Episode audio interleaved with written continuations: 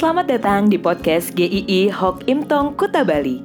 Penginjil Ray Reginaldi akan membagikan renungan harian singkat untuk membawa Anda mengenal dan menyembah Tuhan Yesus, bertumbuh dan menjadi murid Kristus, serta berdampak untuk banyak orang.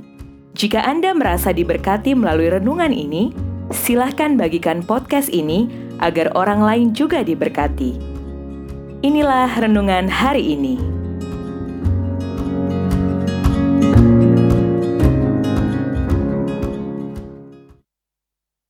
Anti mainstream 1 Petrus 1 ayat 15 sampai 16 Tetapi hendaklah kamu kudus di dalam seluruh hidupmu sama seperti Dia yang kudus yang telah memanggil kamu sebab ada tertulis Kuduslah kamu sebab aku kudus.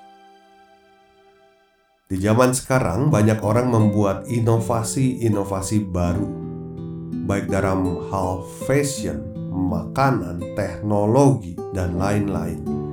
Intinya, sesuatu yang beda dari biasanya sering kali dibuat dari zaman ke zaman, yang sering disebut anti-mainstream. Kita kadang dibuat kagum oleh inovasi-inovasi yang anti-mainstream, begitu unik, begitu berbeda, dan begitu menarik. Orang Kristen juga dipanggil dalam pengertian anti-mainstream, yaitu tidak serupa dengan dunia ini.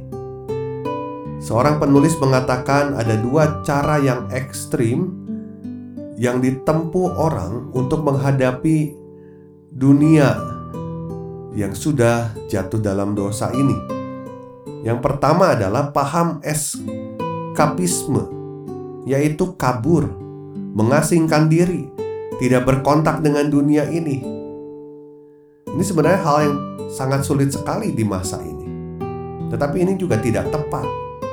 Kabur bukanlah penyelesaian untuk kita hidup berkenan di hadapan Tuhan. Kedua adalah konformisme, yaitu ikut larut dalam cairan jahat di dunia ini kita mencocokkan diri dengan apa yang menjadi pola dunia ini supaya kita dapat bertahan. Apa yang dianggap dunia ini benar, sekalipun itu tidak benar di hadapan Tuhan, kita melakukannya. Tapi kedua opsi ini tidak tepat. Kita tidak dipanggil untuk kabur, kita juga tidak dipanggil untuk kita mengadakan konformisme untuk kita melebur dengan dunia ini sehingga kita tidak berbeda lagi. Anak Tuhan punya opsi yang ketiga, yaitu hidup yang berkenan kepada Tuhan, hidup kudus seperti yang Tuhan mau. Orang-orang Kristen pada abad pertama juga diperhadapkan dengan berbagai kesulitan dari dunia ini yang bisa mengguncangkan iman mereka baik itu secara sosial, intelektual, dan agama. Seringkali hidup mereka menjadi taruhan ya, karena iman yang mereka percayai di dalam Tuhan Yesus. Petrus mengingatkan akan panggilan orang-orang percaya. Tetapi hendaklah kamu menjadi kudus di dalam seluruh hidupmu, sama seperti Dia yang kudus, yang telah memanggil kamu, sebab ada tertulis, "Kuduslah kamu, sebab Aku kudus."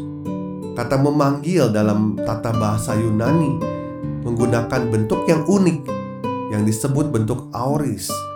Salah satu penjelasan sederhananya adalah keadaan yang terjadi sekali di masa lalu tetapi efeknya akan berlangsung terus-menerus.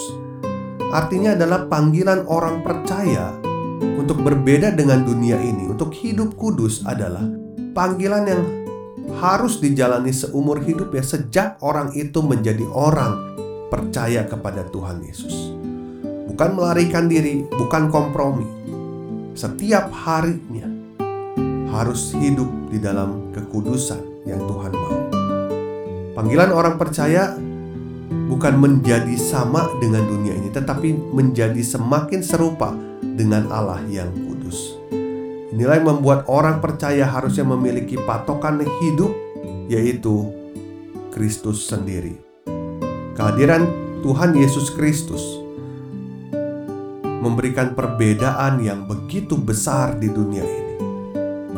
Allah yang menjadi manusia, Dia satu-satu yang berbeda dari miliaran orang yang pernah ada di dalam dunia. Banyak yang berusaha mengubahkan arah hidupnya ketika ada di dalam dunia, tetapi Tuhan Yesus memahami sekali apa panggilannya, siapa dirinya, maka Dia setia sampai mati di kayu salib. Kekudusan Kristuslah yang memungkinkan keselamatan itu. Dia korban yang sempurna, Dia yang menebus seluruh hukuman dosa kita, supaya kita pun menjadi kudus di dalam Kristus. Itulah yang mengubahkan hidup Anda dan saya. Kita statusnya sudah berbeda sebagai orang percaya. Kita bukan lagi berjalan menuju kegelapan, tetapi di dalam terang dan kekudusan. Kita tidak bisa memungkiri kalau kita akan berhadapan dengan dunia yang jahat, yang menggoda, baik dalam dunia bisnis, pemerintahan, pendidikan, pergaulan sehari-hari, kesehatan, bahkan di gereja pelayanan. Banyak konsep-konsep yang tidak berlaku sesuai dengan firman Tuhan. Tetapi jika kita sedang atau pernah terjerat di dalam dosa-dosa ini. Mari kita kembali kepada Tuhan, kita bertobat kembali. Kita sungguh-sungguh kembali mengarahkan diri pada Tuhan, hidup kudus setiap hari dalam pertolongan Roh Kudus.